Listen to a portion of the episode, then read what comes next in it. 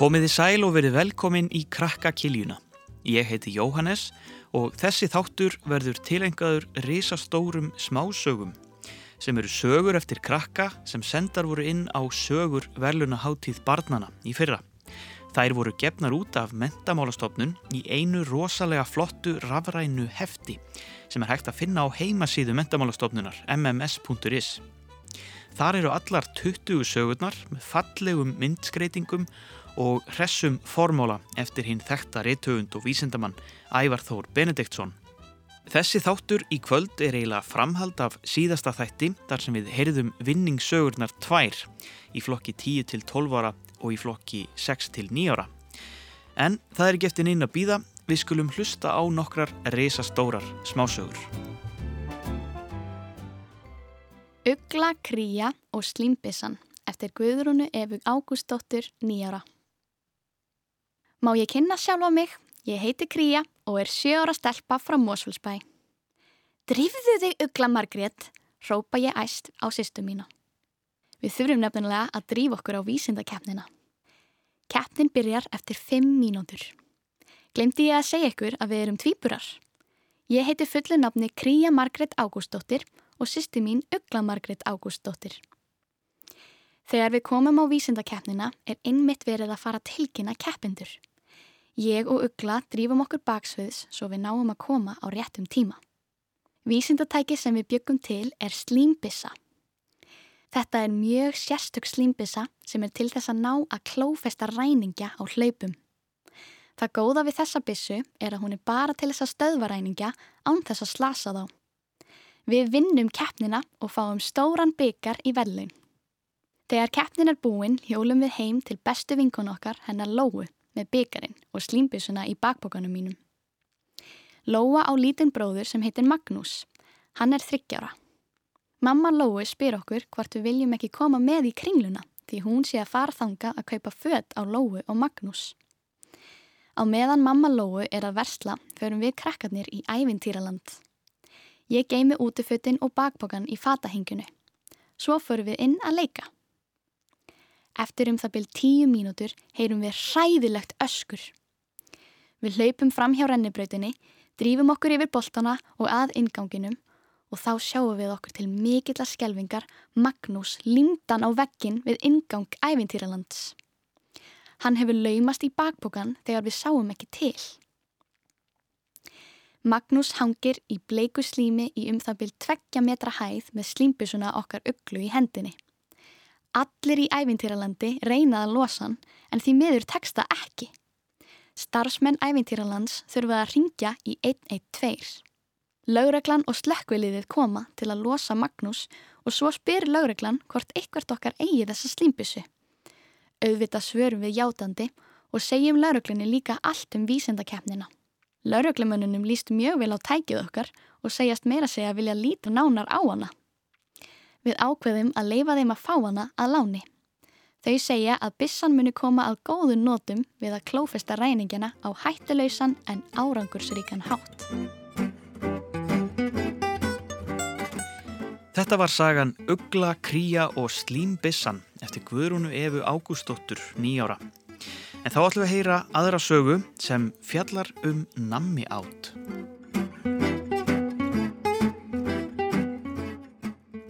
Nammigrís eftir Elisabetu Freyju Lórens, 8 ára. Einu sinni var strákur sem hétt Kalli. Hann var nýja ára gamall og var mikill nammigrís. Hann borðaði ekkert nema nammi. Fóreldrar hans nefndi ekki að elda hotlan mat og gaf honum nammi í staðin. Hann vildi ekki einu sinni smakka vennulegan mat. Eitt daginn saði Palli vinnur hans að það væri ekki holdt að borða of mikið nammi. Um nóttina fekk Kalli martröð. Hann var að gæða sér á dýrindis nammi og allt í hennu breytist hann í svín.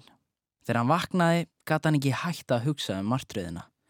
Hann fekk sér morgumatt sem var auðvitað nammi. Á meðan hann gerði það kom lítill hotlustudvergur framhjá sem vildi kenna Kalla og foreldrum hans leksju. Dvergurinn gatt töfrað. Hann lagði þau álega á Kalla að draumurinn myndi rætast og hann breytist í svín. Eina leginn til að komast úr álögunum var að hætta að borða svona mikið nammi. Mammans Kalla var mjög hrætt og pappans líka. Kalli svín hljóp út um allt hús. Mammans hljóp á eftir honum með kúst í hendi og raka hann út úr húsinu og ringdi í bonda. Kalli fór með bondanum á bondabæ. Hann var mjög dabur. Hann gætt bara að talað svínamál. En þegar hann talaði við hinn svínin, strítu þau honum bara og kölluði hann nammi grís. Þau voru mjög leiðileg við hann. Eitt daginn kom Palli vinnur stráksins á bondabæin. Hann hafi frétt að foreldrarnir hefðu sendt Kalla á bondabæ og var mjög leiður yfir því. Þegar hann knúsaði Kalla, breyttust áluginn til háls.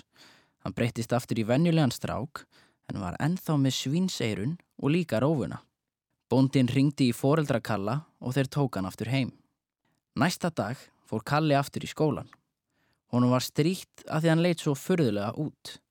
Foreldrar hans senda hann aftur með nammi í nesti. Kalli tók eftir því að krakkarnir voru bara með græmmiti og holdt nesti.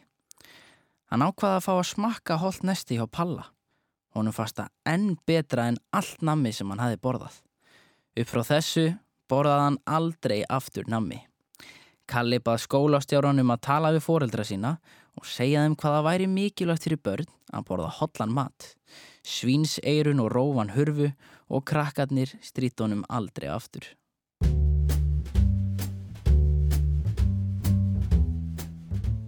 Þetta var sagan Nammi Grís eftir Elisabetu Freyju Lorenz, 8 ára.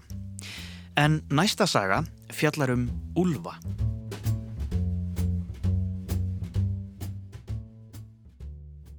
Leitin að svarta úlfinum eftir Heklurán Óskarsdóttur, tíu ára. Einu sinni fyrir langa löngu, nánar tiltekið árið 1923, var lítill kofi úti í miðjum skógi. En þetta var engin venjulegur skógur. Þetta var skógur þar sem allt gatt gerst. Stundum var hann dimmur og drungalegur, en stundum var hann bjartur og skemmtilegur. Í kofanum byggu sistkinni. Þau hétu Sara og Ólafur. Sara var mjög ákveðin, sterk og hugrökk, tólf ára stelpa. Ólafur var tveimur árum yngri en Sara og var frekar óþekkur og latur. Sara varð mjög oft pyrruð út í hann en Ólafi var alveg sama. Sara fór oft út í skó og týndi ber og alls konar mat á meðan Ólafur hjó eldi við fyrir húsið svo þeim er það ekki kallt. Einn morgunin, þegar Sara var farin út í skó eins og venjulega, sá hún dálítið hræðilegt. Það voru klórför á trjánum og spór á jörðinni. Allt í einu heyrði hún lágt ylfur. Gæti þetta nokkuð verið? Úlfur! öskrað hún upp yfir sig, hrætt og óstyrk. Þetta var nú einu sinni skógur þar sem allt gatt gerst. Hún hljóp eins og fætur tóguðu og misti körfuna með berjónum og öllum matnum í leiðinni. Þegar hún kom heim, sagði hún bróður sínum frá því sem gerst hafði úti í skógi. Ólafur trúði Söru ekki, sagði að það væru engir úlvar í þessum skógi. Sara var meður sín þegar hún gekk inn í húsið. Hún ákvað samt að reyna að hugsa um eitthvað annað og byrja að elda. Morgunin eftir fór Sara aftur út í skógin en núna ætlaði hún ekki að týna ber og allskins mat. Hún ætlaði að sína bróður sínum að það væru úlvar í þessum skógi. Þegar Sara var langt komin inn í skógin sá hún aftur það sama. Ha! sagði Sara upphátt þegar hún horfiði niður á jörðina. Karvan hennar var ennþá þarna. Hún leiti í hana og viti menn. Hún var tóm. Urr, heyrðist ekki langt frá. Sara vissi ekki hvað hann átt að gera, svo hún stóð grafkirr. Eftir nokkur andartök heyrðist ekki neitt. Hún hjælt að úlfurinn væri farin. En þessu var ekki lokið. Hún ætlaði að finna út hvar þessi úlfur væri, kom honum heim og ætlaði ekki að gefast upp. Hún fór enn dýbra inn í dimma drungalega skógin. Heima í litla kofanum gekk bara ansi vel. Ólafur skemmti sér konunglega því stundum gerði hann ekki alveg eins og honum var sagt. Til dæmis órengaði eldhúsið, stríti kettinum og lék sér í gardinum í stað þess að vinna. Þegar Sara var komin langt inn í skógin heyrði hún aftur ílfur, en nú var það nálægt. Hún sá líka eitthvað í runnanum. Það voru svört augu. Allt í einu reyfiðist runnin og veran stökk á hana og sagði Grikkaðu gott! Sara opnaði augun og henni til undrunar sá hún að þetta var maður í úlfabúningi sem hjælt á skál fullri af nammi. Hvaðan komst þú? spurði Sara hrætt. Ég kom með tímavélni minni frá árinu 2020, svaraði maðurinn. Þá ert þú alls ekki á réttum tíma, saði Sara og andaði léttar. Nú, veist þú nokkuð hvaða ár er núna? spurði maðurinn hissa. Já, það er árið 1923. Þá þarf ég að drífa mig heim í réttan tíma, takk fyrir upplýsingarnar, saði maðurinn og ætlaði að hlaupa í burtu. Sara stoppaðan. Heyrðir þú nokkuð ylfur í skóginum í gær? Nei, en það kom öruglega úr maganum á mér. Ég var svo svangur, sagði maðurinn. Varst það þá þú sem borðaði þér allt sem var í körfunum minni? spurði Sara. Já, sagði hann. Hann var svo svangur þegar hann sá þessa körfu með mat og engan nálægt að hann borðaði allt sem var í henni. Það skýrði eitthvað af þessu. Sara kvatti mannin og hjælt heim á leið en var ennað hugsa um sporin á jörðinni og klórförin á trjánum. Þegar hún kom heim var allt í rúst. Halló! heyrðist innan úr húsinu. Þetta var Ólafur að drasla til aftur. Þegar þau voru búin að taka til og borða var komin tími til að fara í háttin. Um nóttina vaknaði Sara við eitthvað skrítið hljóð fyrir utan gluggan sinn. Hún fór að aðtúa hvort það væri allt í lægi. Þegar hún komaði glugganum sá hún ekkert. Hún kallaði á bróður sinn og þau kíktu aftur út um gluggan en sáu ekkert. Þetta var örgla bara vindurinn, sagði Ólafur og fór aftur inn í herbergið sitt. Sara fór aftur að sofa. Ólafur leita á gluggan og sá allt í einu risa stóran úlf standa á gluggasillunni. Honum brá og öskraði. Aaaaah! Svo stökk úlfurinn á hann og eftir andartak var allt svart.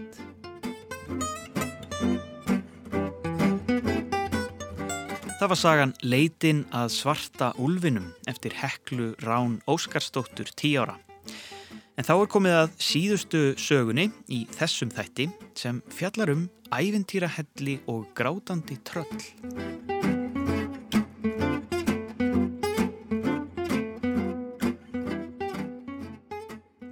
Ævintýri Mæju og Tomma eftir Ásker Allar Rúnarsson, 6 ára. Það var sólbjartur dagur í ævintýraskói. Sískinin Mæja og Tommi lögðu af stað eldsnemma áður en fóreldra þeirra vöknuðu. Þau hefðu undirbúið sig deginum áður og útbúið nesti. Í dag ætluðu þau að finna ævintýrahellin sem þau hefðu svo oft hirtum í sögum þegar þau voru lítill. Þau hefðu oft sögðað í mömmu og pappa að fara með þeim að skoða hellin en þau voru eitthvað rög við að fara þángað og sögðu að svona ævintýraferðir gætu verið hættulegar. Á leið sinni að ævintýrahelli þurftu þau að fara í gegnum ævintýraskó. Þau rannsökuðu skógin vel. Þau skoðuðu blómin og flugurnar eða byttu við, voru þetta flugur? Nei, þegar betur var aðgáð voru þetta engar vennjulegar flugur. Þetta voru litlar regnboga álvatísir. Fyrst urðu álvatísirnar hrættar við Mæju og Tomma, en svo þegar þau settust niður og töluðu blíðlega til þeirra, komist þær að því að þær þurftu ekki vera hrættar við Tomma og Mæju. Regnboga álvatísirnar Ása, Fjóla og Dísa sögðu Mæju og Tomma frá því að ástæða þess að þær verið að sapna hunangi væri að þær ætluð að fara með það upp í ævintýrahellin þar sem bíflugunum vinum þeirra væri haldið í fangelsi hjá risastórum tröllkarli sem hétt Skallaskellir. Skallaskellir hafði í skjóli nætur komið út og nappað öllum bíflugum ævintýraskóar. Álvadísirnar voru alveg miður sín og vissu ekkert hvernig þær áttu að ná að bjarga þeim og voru mjög áhyggjufullar. Tommi og Mæja sögðust vilja hjálpa þeim Þau væri hvort sem er á leiðinu upp í ævitærahellin. Þau yrðu bara að búa til áætlun um hvernig þau ættu að ná bíflugunum út. Þau getur líklega ekki bara lappað inn í hellin og náði í þær þess að tröllkallin tæki eftir því og kannski er þann reyður. Þau lögðu á ráðin og ákvaðu að Tommi og Maja myndu leika sér með miklum háfaða fyrir utan hellin og lokka tröllkallin út. Á meðan myndu Ása, Dísa og Fjóla skjótast inn í hellin og leysa bíflugurnar úr búrinu. Þetta gerðu þau og allt gekk samkvæmt áætlun en eitt óvænt gerðist þegar regnbúa álvadísirnar og bíflugurnar komu út. Skallaskellir varð ekki reyður. Hann varð óstjórnlega leiður. Hann fór að há gráta þannig að tárin urðu eins og tveir fossar sem runnu niður andlitið á honum. Hann grét og grét. Þetta var alls ekki það sem þau hefðu gert ráð fyrir. Þau vissu ekkert hvað þau áttu að gera en vissu að þau þurftu að gera eitthvað því annars myndi koma svakalett flóð. Mæja ákvað að fara til tröllkallsins og tala við hann. Hún gekk smeg í áttina til hans og spurði hann blíðlega hvað var ég að, hvort hún geti eitthvað hjálpað honum. Ég er bara svo leiður því ég áenga vini, sagðan þá. Ég náði bíflugunum í búr svo ég væri ekki alltaf aðleitt og einmanna. Það er enginn sem kemur og heimsækir mig hingað í æfintýrahellin. Við skulum vera veinir þínir og koma og heimsækja þig og gera eitthvað skemmtilegt saman, sagði Maja þá. Við getum líka komið með mömmu okkar og pappa. Ég held að margir þóra ekki að komingað og tala við þig því þeir halda að þú sért reyður og vondur, en svo ertu bara innmanna og leiður. Við getum farið tilbaka og sagt öllum frá því að þetta sé miskilningur og þá færðu kannski margar heimsóknir og vini. Þetta leist skallaskelli vel á. Tommi og Maja drifi sig af stað heim á leið en það sem þau vissu ekki var að mamma þeirra og pappi höfðu orðið logandi hrættum þau þegar þau sáu um morgunin að börnum þeirra voru horfin. Þau voru búin að ringja í laurugluna og allir voruð að leita þeim. Meira segja sjónvarpið var komið heim til þeirra og var að taka viðtal við fóreldra þeirra þegar þau komið hlaupandi inn. Miklir fagnadarfundir urðu í stofunni yfir því að börnin væri fundin heil á húfi. Maja og Tommi sögðu sjónvarsfólkinu alla söguna og að tröllið væri í raun gott en bara einmanna. Þessi frétt var til þess að margir lögðu leið sína í heimsókn til skallaskellis og varð hann mjög vinsæl og góður tröllkall upp frá þessu.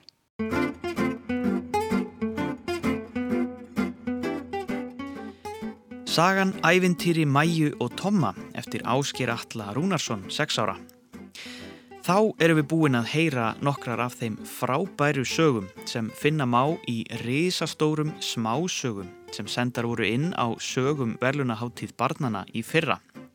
Lesarar í þættinum voru Rúnar Freyr Gíslason, Kolbrún Maria Mástóttir og Mikael Emil Koper. En það er komið að lokum hjá okkur í kvöld. Ég mæli með því að þið farið og lesið þetta skemmtilega söguhefti sem er hægt að finna á vefsíðu mentamálastofnunar mms.is. Í næstu viku ætlum við að heyra nokkrar spennandi sögur í viðbót, ekki missa því. En þáka til hafið það gott og verið duglega að lesa.